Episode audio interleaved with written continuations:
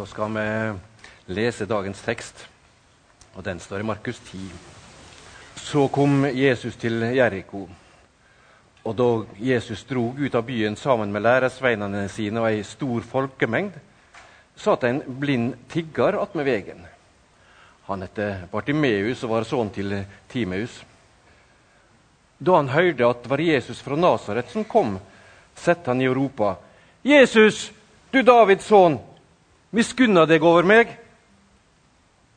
Mange tala hardt til han og ba han teia, men han ropa bare enda høyere, 'Du Davids sønn, miskunna deg over meg.' Da stogga Jesus og sa, 'Ropa han.' De ropa på den blinde og sa til han, 'Vær ved godt mot, reis deg opp, han kaller på deg.'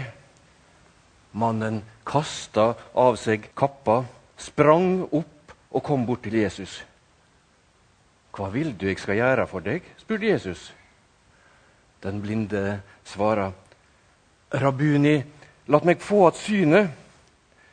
Da sa Jesus til han, 'Gå du, trua di har frelst deg.' Med det samme kunne han se, og han fulgte Jesus på veien. Slik lyder Herrens ord.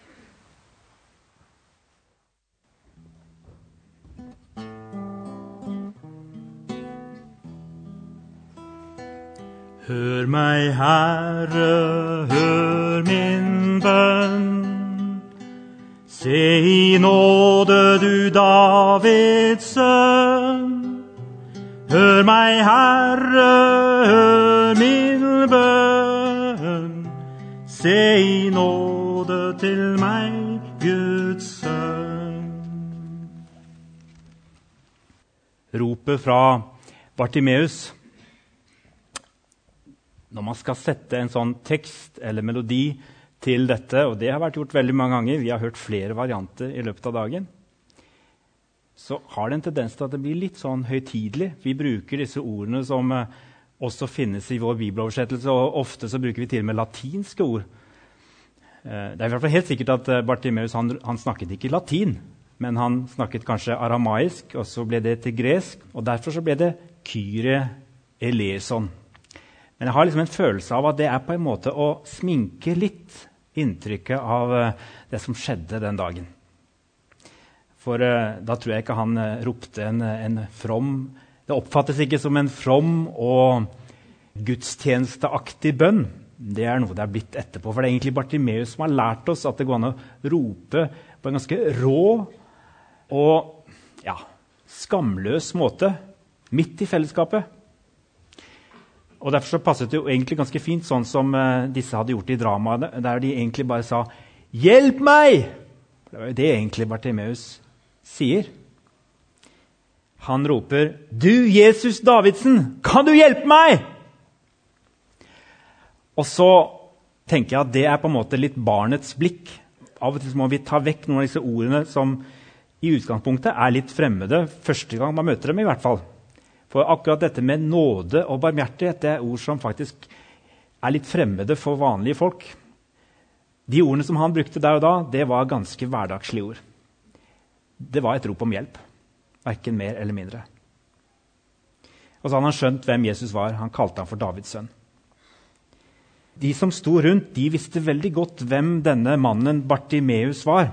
De fleste hadde glemt hva han egentlig hette. For en mann med hans store handikap blir liksom aldri skikkelig voksen. Han var et utskudd på samfunnet, en som de fleste helst ville glemme. Noen hvisket til og med at det å ha en sånn kronisk sykdom, blindhet, det måtte være en straff fra Gud. Eller kanskje en straff til foreldrene hans for noe de hadde gjort. Denne ubetydelige, blinde tiggeren ses derfor ikke på som noe selvstendig voksent individ. Og, og, jeg tror det er derfor han kjennes på sitt opphav, Timeus. For Bar Timeus betyr Timeus sin sønn. Ingen husket lenger hva slags fornavn han her hadde. Vi kan jo bare spekulere, men kanskje aner vi en familieskjebne her? Jeg ser to muligheter. Enten så har Timeus og resten av familien valgt å stå last og brast med sin blinde sønn. De hjelper han kanskje hver morgen til byporten, slik at han kan sitte der og tigge. Ja, kanskje de til og med tjener penger på han, hva vet jeg.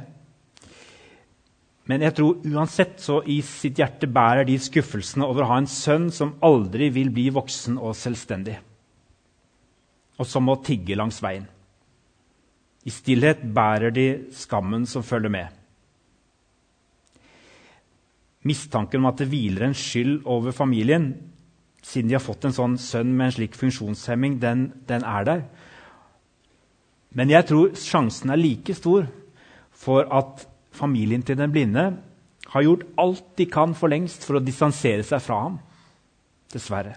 Han må sitte i byporten og tigge fordi han for lengst er overlatt til seg selv. Men til faren Timeus' store skam er det ingen som glemmer hvor sønnen kommer fra. Der sitter Bartimeus, sier de når de går forbi. Sønnen til Timeus. Stakkars fyr. Stakkars far. Stakkars mor. Det er nødvendig at vi som hører denne fortellingen i dag, er oppmerksom på denne for oss uvante tenkningen om kronisk sykdom eller funksjonshemming. Heldigvis vil vi si at vi er kommet litt videre, men vi har fortsatt masse å gå på, også når det gjelder det å legge mer i sykdom enn det det er grunnlag for.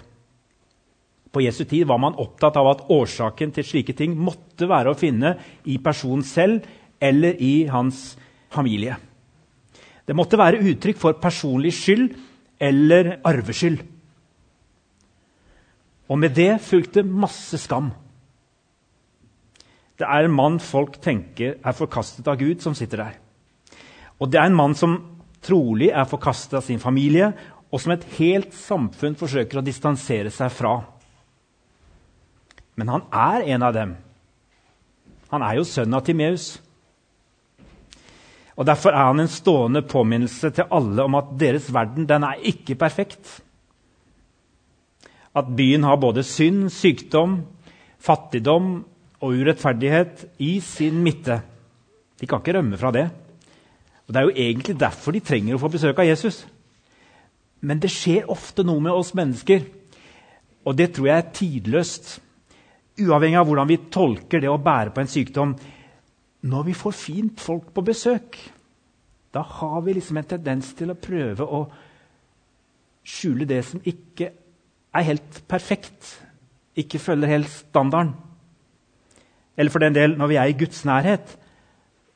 Da har vi faktisk uvanlig ofte en tendens til å ville skjule det vi ikke er stolte av. Og Det er jo helt motsatt av sånn Jesus tenker at vi skal når vi kommer sammen med han og møter han. Akkurat denne dagen så passet det dårlig å vise fram Bartimeus. For det er fint besøk i byen. Det er en mann folk kaller Davids sønn. Og kanskje er han Messias som de har venta på. Den store kongen. Og derfor forsøker de febrilsk å dempe Bartimeus.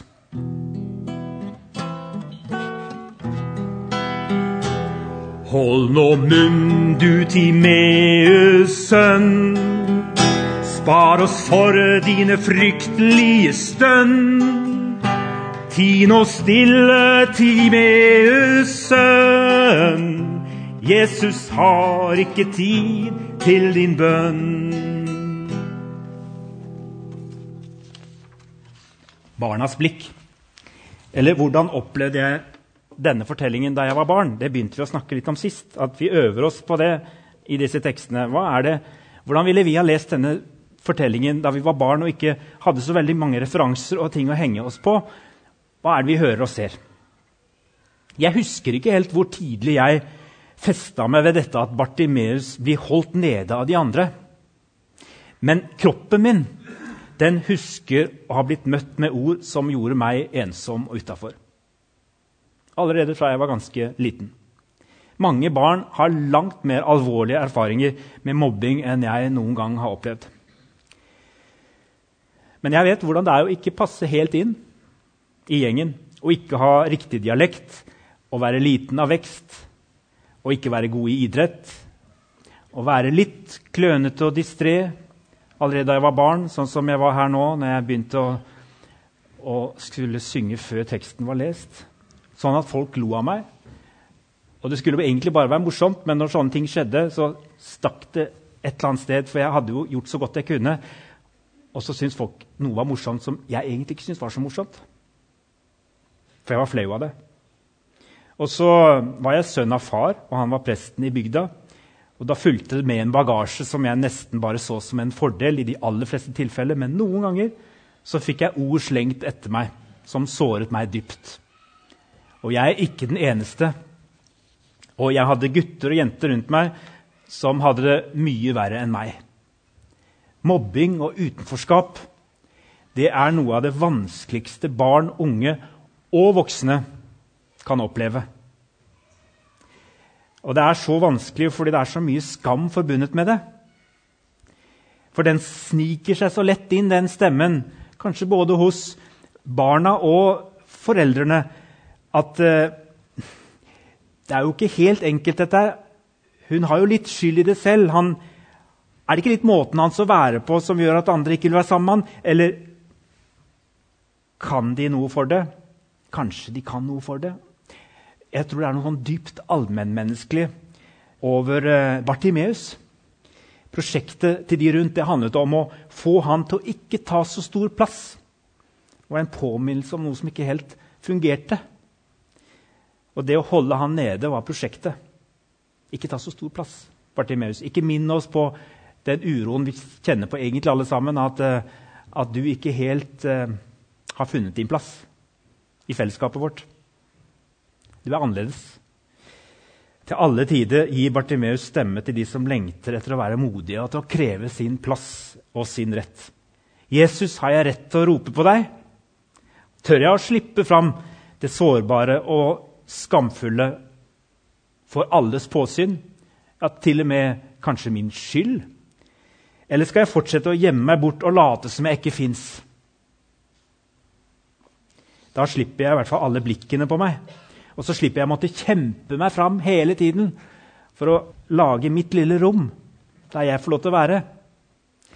Takk, Bartimeus, for at du har gitt alle undertrykte mennesker en stemme. Og takk, Jesus, for at du feide til side alle som mente at Bartimeus var for uviktig, for uverdig eller for pinlig til at du skulle måtte bry deg med ham.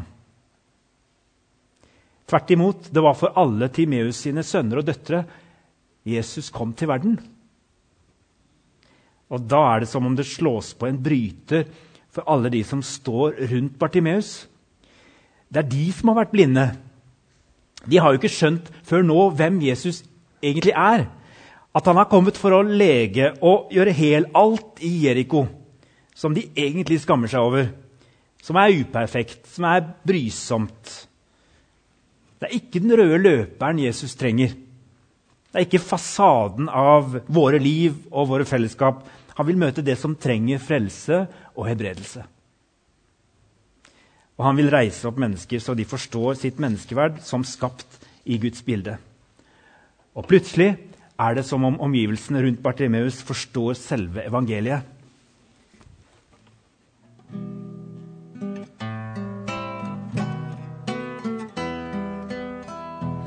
Vær ved godt mot Timius. Herren hører ditt rop, din bønn. Vær ved godt mot Timius. Herren hører ditt rop, din bønn. Hør, han kaller Timius. Han vil møte deg, svare din bønn. Hør han kaller Timius sønn. Han vil møte deg, svare din bønn.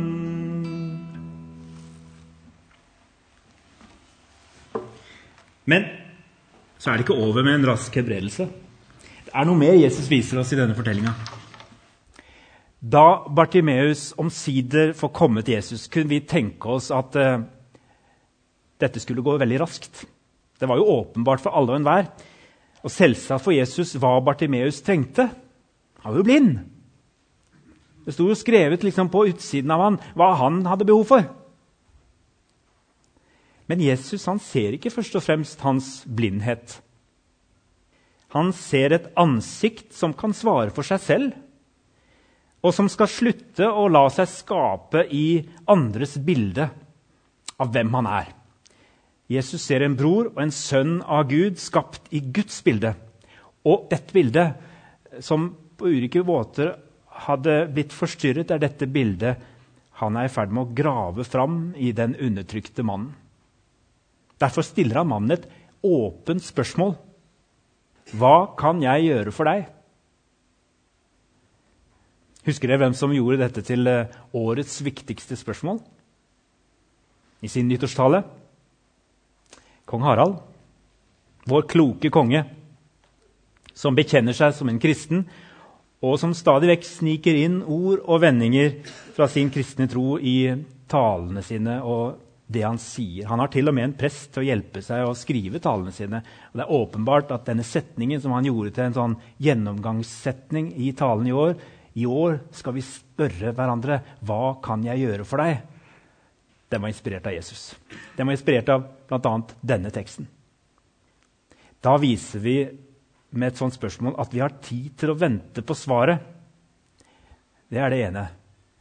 Og så viser vi at ved å tilby mennesker rundt oss en hjelpende hånd akkurat i disse dager Det er jo på en måte noe som alle kan tenke jo, det kan vi gjøre alle sammen.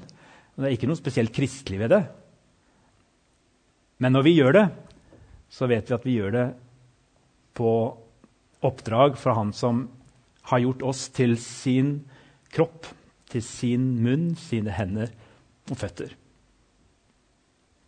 Vi kan ikke regne med at det alltid er systemet, at det alltid er staten, alltid er de andre som når ut til alle som trenger det i disse dager. Det trenger vi å, å skjønne i Norge akkurat nå. Det er ikke alltid noen andre som ordner opp. Det er vi som er nabolaget. Det er vi som er storfamilien. Det er vi som er kristne. Det betyr små Kristuser. Men Jesus minner oss om å møte mennesker som likeverdige. Ikke som hjelpetrengende, men som likeverdige. Som i utgangspunktet vi bare spør hva kan jeg hjelpe deg med. Altså, jo, hjelpetrengende, men likevel på like fot. Det er du som skal fortelle meg. Jeg skal ikke mene noe på forhånd om hva du trenger meg til. Det fins en annen mulighet også i denne fortellingen enn at det er fellesskapets skam og ønske om å skjule det svake eller brysomme som ligger til grunn for at Bartimeus først blir hysjet på. Og Det er også et ganske utbredt fenomen i vår tid. Det kunne rett og slett handle om at Jesus var på vei videre til noe annet, som folk oppfatta som viktigere. Vi merker ofte at disiplene tar denne rollen at de liksom skal passe på Jesu tidsbruk. Har dere sett det? eller prioriteringen hans. Jeg tror kanskje de ønsket å ta vare på han, eller kanskje de ønsket å ta vare på seg selv. De var litt trøtte og leie av alle disse han skulle stanse opp for hele veien. Eller kanskje strevde de rett og slett med å forstå hvordan han kunne bruke så mye krefter på det de oppfattet som håpløse tilfeller. For meg er denne fortellinga også en påminnelse om at Jesu klokke antagelig ser annerledes ut enn våre klokker. Da noen av oss i bymenigheten nylig var på Utstein pilegrimsgard på retreat rett etter nyttår Vi arrangerte sammen med Ålgård menighet. Da, da handlet det om vår måte å tenke om tid på. Og Bibelens måte å tenke om tid på. Det vi kaller for kairos.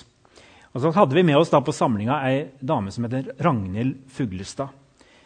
Hun opplevde for noen år siden at livet stansa helt opp. Hun var aktiv, svært aktiv ressurssterk lærer med mange jern i ilden på mange områder. Både i familie, menighet og, og, samfunnsliv. Og så får hun en slags ME, en sånn utmattelsessyndrom, og blir liggende kraftløs i senga i måneder og år. Og Midt i denne fortvilelsen så begynner hun å rope til Jesus. Og, og så begynner han å svare henne med ord og bilder sånn som noen av og til opplever. Det er helt mørkt, og hun orker knapt nok å lage middag til ungene.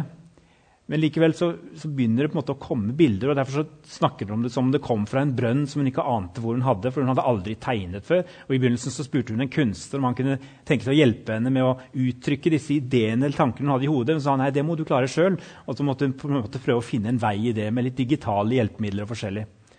Jeg tror vi har et par-tre par, bilder. Eh, Nathanael, hvis du kan vise et par-tre av de bildene som hun fikk, og så har hun skrevet små tekster til dem og de ligger tilgjengelig på en sånn Instagram-konto som hun har, der hun deler veldig villig med seg av denne måte, brønnen som hun har fått der i mørket. Nå er hun mye bedre. Hun begynner å finne igjen seg selv. Hun kaller det helbredelse, hun kaller det et mirakel, et under. Men det var ikke sånn quick fix. Eh, hvis jeg kunne få si det første, så er det en brønn. Og så er det antageligvis kvinnen ved brønnen som får lov til å drikke av det levende vannet. Og så er det den andre som eh, dere gjenkjenner som Jesus som vasker eh, disiplenes føtter. Og Det å få lov til å bli betjent av Jesus det var det hun opplevde. at Han, han tok seg tid. Og det var nettopp når hun, hun, var helt satt til side, at uh, hun også ga han tid til å betjene seg på en helt annen måte enn hun hadde gitt han mulighet til gjennom de veldig veldig aktive årene sine. Og så var det det siste bildet som jeg synes er veldig talende, for det var en klokke. Og så har hun en liten kommentar til den klokka. Jeg tror jeg har vist bildet en gang før, her før jul, men jeg tar det igjen. For hun skriver Gud sa han ville gi meg ei klokke som ikke går fra time til time, men fra hjerte til hjerte. Jeg tror det handler om relasjoner. Jeg tror det handler om noe som hun oppdaget der i mørket. Kanskje er det en sånn klokke vi som menighet også trenger. Like mye som en klokke som tar oss gjennom denne fine semesterplanen som vi har lagd. Der det er massevis av arrangementer og aktiviteter som er satt opp. Man kan bli svimlende noen enhver. Og jeg sier ikke at ikke alt det er viktig. Men eh, kanskje vi skal i hvert fall ha en parallell klokke som er like viktig, og det er den som tar oss fra relasjon til relasjon. Ikke fra arrangement og planlagt aktivitet til aktivitet, men at vi tenker fra hjerte til hjerte. At vi er litt oppmerksomme at kirke det er å se mennesker. Og nå er det deg, ja. Ja, nå må jeg faktisk stoppe opp her. Jo ja, selvfølgelig skal jeg på noe viktig. Jeg skal både på jobb og jeg skal lage mat. og jeg skal forskjellig, men, men bare ta denne lille spørsmålstegnet. Hva kan jeg gjøre for deg? Og kanskje oppdage at det var jo da det skjedde viktige ting. Når jeg ikke bare gikk fra minutt til minutt, men fra hjerte til hjerte. Og enda viktigere enn at vi skal gjøre noe for andre hele tiden, så er det bevisstheten om at eh, vi slipper Jesus til så han kan få virke. At vi ikke står i veien for han med all vår aktivitet og alle våre gode gjerninger i og for seg. Men eh, det å slippe Jesus til så han kan få gjøre det bare han er i stand til, av og til gjennom oss, men av og til på tross av oss og utenom oss.